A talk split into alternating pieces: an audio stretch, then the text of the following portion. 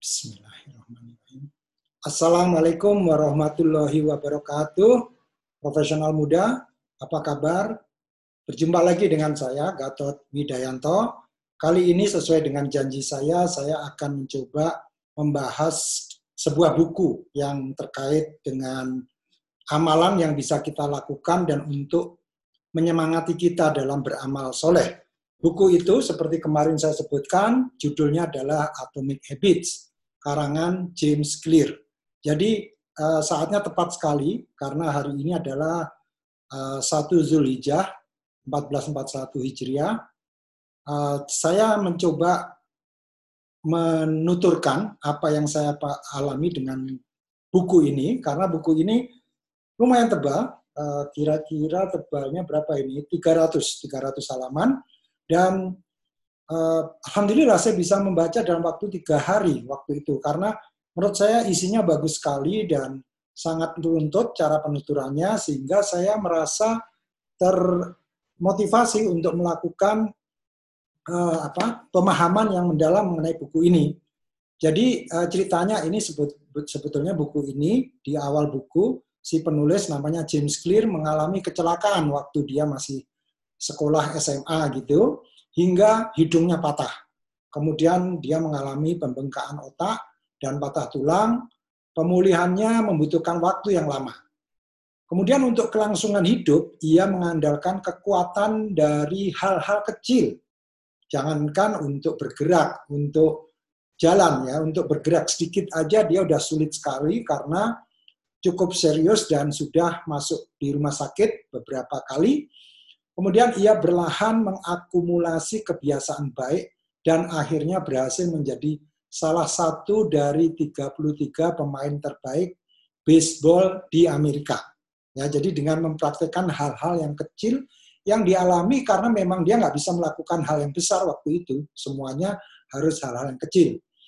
Nah, saat ini ia adalah salah satu peneliti habits atau kebiasaan yang paling populer nggak hanya di Amerika tapi di seluruh dunia termasuk di Indonesia mencapai jutaan pengikut melalui blognya di jamesclear.com. Buku ini pertamanya uh, Atomic Habits sekarang menjadi panduan dalam hal habits dengan cepat menjadi buku terlaris di New York Times. Apa isi bukunya? Sebetulnya hanya tiga hal, tapi diuraikan secara detail. Pertama, dia sebut dengan the habit loop yang merupakan rangkaian dari kegiatan isyarat, keinginan, respons, dan imbalan. Nanti kita coba bahas ya lebih jauh. Kemudian yang kedua, kebiasaan baru harus dibuat jelas, menarik, mudah, dan memuaskan. Yang ketiga, Anda dapat menggunakan habit tracker sebagai cara untuk mengukur kemajuan. Jadi dalam hal ini dia mencoba menjelaskan beberapa hal yang penting terkait dengan uh, habit ini. Nah, untuk itu saya ingin sedikit mengulas karena ini nanti penting sekali dalam uh, apa kita melakukan apa pun sebetulnya dalam hal uh, perbaikan atau menciptakan kebiasaan baru gitu ya. Jadi kita harus dimulai dengan suatu yang disebut habit loop. Jadi kebiasaan-kebiasaan yang sebetulnya kecil. Dan dia pernah mengatakan bahwa kebiasaan kecil ini yang dilakukan terus-menerus, setiap hari hanya nambah satu persen, itu hasilnya akan dahsyat sekali. Nah, apa itu habit loop? Itu pertama adalah isyarat.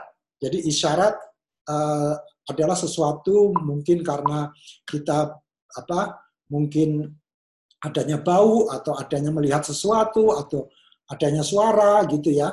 Dari isyarat timbullah keinginan. Ya misalnya tadi isyaratnya bau. Baunya apa?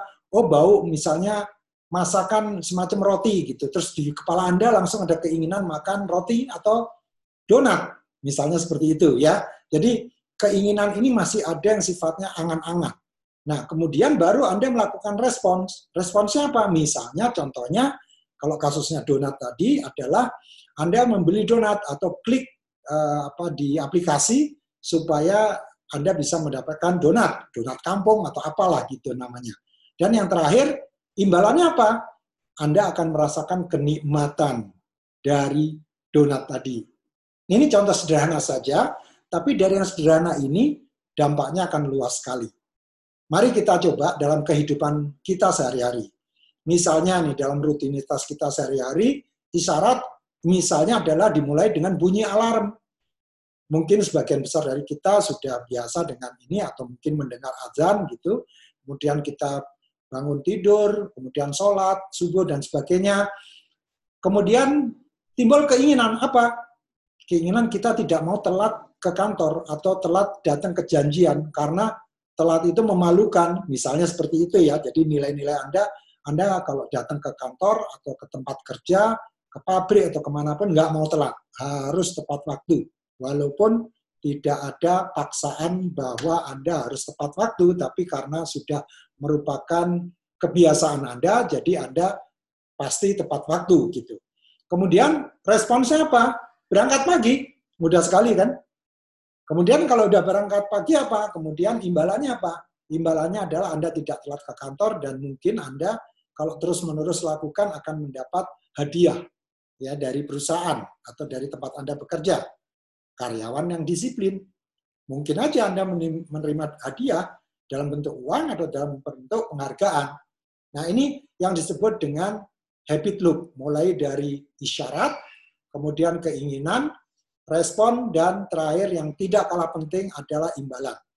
Kemudian James Clear mengungkapkan untuk memulai kebiasaan baru atau bahasa kita adalah kebiasaan bagus yang baru atau dalam hal amalan ibadah kita sebagai sebagai seorang mukmin adalah uh, bagaimana imbalan pahala kita nanti gitu ya atau kita ingin memulai dengan suatu kebiasaan yang baru yang belum pernah kita lakukan gitu. Jadi mungkin amalan doa, amalan zikir atau apa pun yang kita belum pernah lakukan.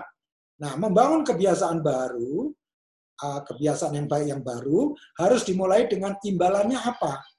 Maksudnya apa? Supaya kita semangat. Kalau kita nggak mulai dengan imbalan, kita nggak akan semangat. Kita harus mulai segala sesuatu dengan imbalan. Ini adalah value proposition dari James Clear. Jadi dia segala sesuatu kalau membuat kita melakukan rutinitas baru yang bagus, misalnya Anda biasanya telat, sekarang pengennya nggak telat, Anda harus pengen mendapat penghargaan sebagai karyawan yang disiplinnya baru, apa disiplinnya bagus, gitu ya. Nah, misalnya ini imbalannya adalah kita pengen nanti kalau pensiun uh, sehat, jadi mungkin pensiun ini kalau saya sih nggak mengenal istilah pensiun sampai kapan pun bekerja, tapi di sini sebagai contoh, jadi kebanyakan orang pengen pensiun itu sehat. Nah, agar pensiun sehat, respons apa atau tindakan apa yang kita harus lakukan untuk meyakinkan bahwa kita pensiunnya sehat, misalnya pola makan yang benar, kemudian rutin olahraga atau hal-hal lain yang membuat kita nanti pada saat pensiun itu benar-benar sehat.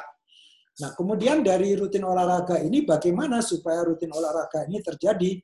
kita harus membuat suatu aktivitas yang menyenangkan. Jadi olahraga yang menyenangkan, jalan kaki, lari, futsal, renang, atau bersepeda, apa pun namanya itu, yang penting sesuatu yang menyenangkan Anda. Setiap orang beda-beda. Kalau saya senangnya bersepeda, ya saya bersepeda gitu misalnya. Nah, isyaratnya apa? Jadwal olahraga. Jadi uh, ini uh, empat habit loop ini harus kita biasakan. Jadi bisa kita balik. Jadi uh, mulai dari imbalannya kita pengen hidup yang sehat, pensiun sehat, tapi benar-benar keinginan yang pengen ditindaklanjuti bukan sekedar omong aja, bukan sekedar mimpi, tapi uh, benar-benar kita pengen uh, pensiun sehat.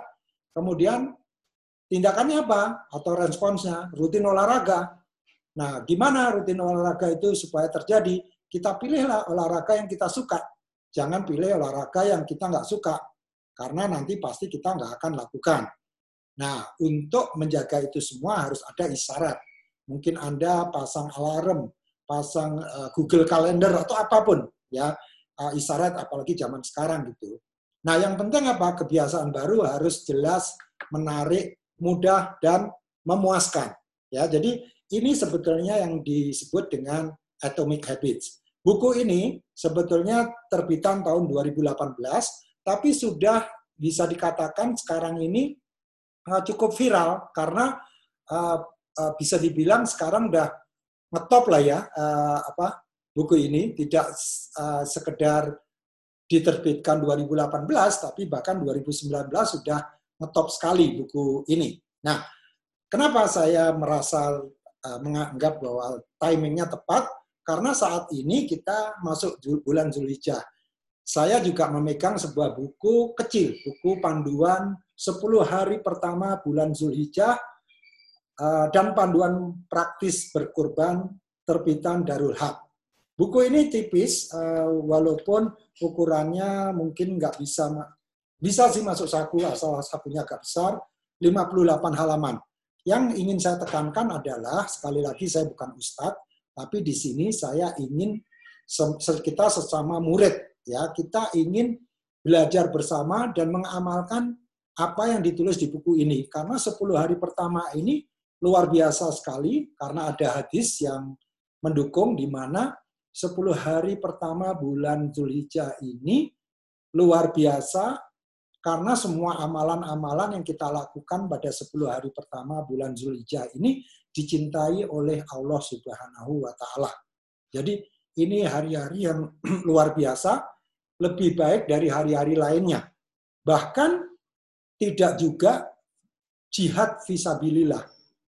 Maksudnya begini, Anda melakukan amalan di hari-hari yang 10 hari ini, kira-kira pahalanya seperti jihad. Bayangkan, kita di era kita ini yang namanya jihad, dalam arti jihad visabilillah ini luar biasa sekali kalau kita bisa lakukan ya artinya eh, kesempatan jihad ini pahalanya luar biasa kecuali pahalanya bisa dikalahkan ini oleh jihad visabilillah di mana kita jihad dengan harta dan jiwa kita dan kembali tidak bernyawa lagi. Jadi artinya mati syahid. Jadi hanya itu yang bisa mengalahkan pahala 10 hari pertama bulan Dzulhijjah. Nah, amalannya apa saja saya nggak mau mengupas di sini, tapi yang jelas sudah ada di channel ini juga. Saya bikin ringkasan kalau nggak salah 3 menit, atau Anda bisa baca artikelnya di situs Alman Hajj. Jadi 10 hari pertama keutamaannya apa. Kemudian di situ disebutkan beberapa amalan, kalau nggak salah ada 10 yang saya masih ingat adalah pertama haji dan umroh, kemudian kedua puasa, terutama puasa di bulan eh, di hari Arafah, satu hari sebelum uh, Idul Adha. Kemudian takbir dan zikir. Nah, takbir dan zikir pun ternyata kita ini salah kaprah. Kita bertakbir menunggu nanti kalau Idul Adha salah. Ternyata di buku ini bahkan di situs Al-Manhaj itu, begitu masuk Zulhijjah, hari ini, saat ini, saatnya Anda bertakbir, tahlil, tahmid. Allahu Akbar, Allahu Akbar, La ilaha illallah, Allahu Akbar, Allahu Akbar, walillah ilham, Allahu Akbar, Allahu Akbar, Allahu Akbar, La ilaha illallah, Allahu Akbar, Allahu Akbar walillah ilham. Redaksinya yang saya tahu seperti itu dan uh, ini ada semua uh, hadis-hadisnya. Dan silakan Anda kalau uh, tertarik dengan buku ini, silakan hubungi bukan dengan saya karena saya nggak ada hubungannya dengan Darul Haq dan juga saya bukan agen buku. Kemudian juga uh, amalan yang lain, amalan apa pun. Jadi saya ingin menekankan di sini adalah faktor yang dikalikan. Jadi maksud saya begini, faktor pengalinya kita semua tahu, amalan itu adalah bisa 10 kali, bahkan 700 kali, bisa lebih dari 700 kali. Ya, jadi uh, itu juga ada uh, dalilnya. Yang saya ingin tekankan adalah faktor yang dikalikan. Artinya begini, mau dikalikan seribu, mau dikalikan sejuta, kalau faktor yang dikalikan itu nol, kita nggak melakukan apa-apa, rugi besar. Profesional muda, ini saatnya paling tepat bagi Anda untuk melakukan amal soleh, apa pun. Sedekah, zikir, taubat, istighfar, apalagi sholawat, doa, semua lakukan. Baca Al-Quran. Bahkan teman saya ada yang mengajari, Mas Herwinto, eh, dari Klaten, beliau mengajari, kenapa nggak kita targetkan aja satu hari tiga juz sehingga 10 hari katam. Ya, ini luar biasa. Jadi Anda bisa praktekkan itu semua dan ingat faktor yang dikalikan harus ada. Jadi jangan sampai satu detik pun Anda dalam satu hari tidak melakukan amalan atau tidak meniatkan suatu ibadah yang bisa dikalikan berapapun. Bahkan kalau puasa, yang saya ingat puasa itu adalah untukku. Allah mengatakan gitu, untuk Allah. Maksudnya begini teman-teman, saya mengartikannya kita nggak tahu Allah itu akan memberi hadiah berapa kita nggak tahu.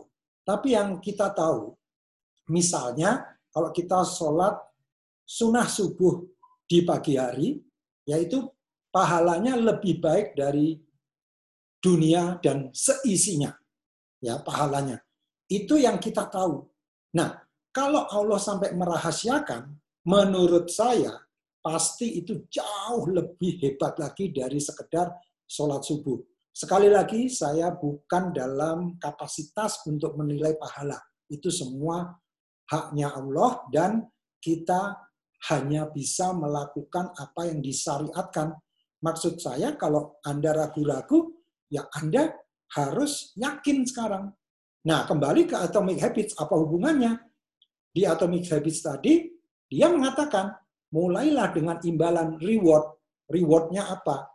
Rewardnya udah jelas bahwa Allah akan memberikan pahala yang dilipat gandakan Ya, nah apa yang akan dilipat gandakan kalau kita nggak melakukan apa-apa? Nol.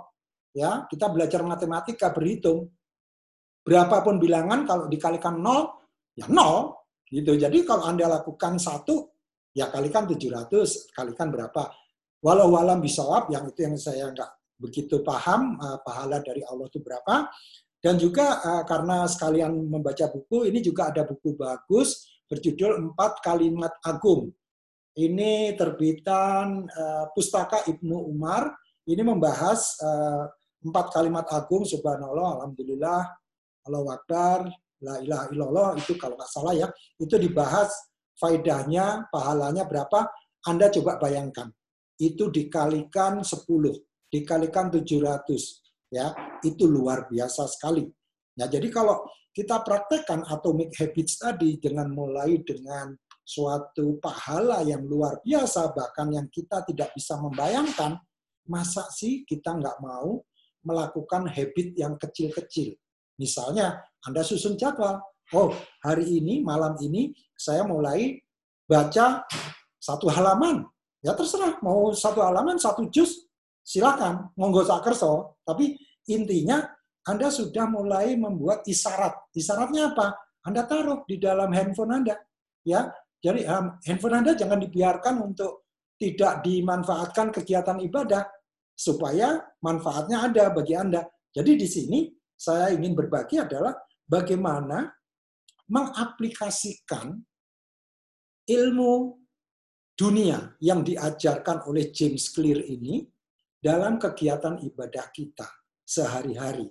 Jadi ini tidak hanya untuk pekerjaan kita sebagai profesional, tidak kita sebagai muslim, sebagai mukmin bisa melakukan ini. Jadi misalnya Anda membuat target bahwa sehari minimum di luar zikir pagi dan petang Anda melakukan uh, zikir di luar 100 mungkin Anda mentargetkan lagi 100 lagi gitu. Itu dilakukan antara jam kerja ketika uh, istirahat misalnya. Atau kalau Anda working from home ya jadi lebih lebih rileks lagi, kapan pun Anda lakukan bisa bahkan pada saat Anda bersiap-siap bisa melakukan takbir tadi. Nggak usah menunggu takbir pada saat sudah masuk Idul Adha. Ya, jadi ini yang saya ingin berbagi. Uh, saya juga ingin menyemangati saya sendiri supaya kalau saya sudah berbagi begini, saya juga malu kalau saya nggak menjalankannya. Jadi uh, apa istilahnya motivasi dari teman-teman saya tadi itu saya juga ingin menerapkannya secara nyata gitu. Artinya eh, bagi saya kalau saya melihat buku-buku ini saya menjadi semangat gitu. Maksudnya buku-buku baik Atomic Habits maupun 10 hari pertama bulan Zulhijjah, buku kecil, kemudian empat kalimat agung, Anda mengucapkan subhanallah wa bihamdi, gitu ya, itu pahalanya berapa? Coba Anda bayangkan. Itu apa pun nggak akan bisa terbeli dengan apa yang ada di dunia. Saya yakin itu. Dan ingat bahwa pahala dari Allah udah pasti dilipat gandakan dan apalagi atau zat atau mana lagi yang bisa janji yang janjinya tepat tepat. Hanya Allah yang bisa menjanjikan apa yang benar-benar dijanjikan. Kalau kita dengan manusia kadang-kadang bisa jadi kita ditipu, tapi dengan Allah tidak. Ya, jadi kita harus yakin itu, kita harus mulai dengan rewardnya apa, pahalanya apa, kita implementasikan dalam kehidupan sehari-hari. Demikian teman-teman sekalian, terima kasih telah menyimak eh, sesi singkat ini. Semoga menyemangati kita dan kita masih punya sembilan hari lagi untuk beribadah. Kenapa enggak kita manfaatkan sebaik mungkin? Semoga Allah Subhanahu wa taala memudahkan kita menjalankan tuntunan yang sudah dicontohkan oleh Nabi kita Muhammad Sallallahu Alaihi Wasallam. Demikian, bila ada yang salah itu pasti dari saya, dan bila ada yang benar itu pasti dari Allah Subhanahu wa Ta'ala. Wassalamualaikum warahmatullahi wabarakatuh.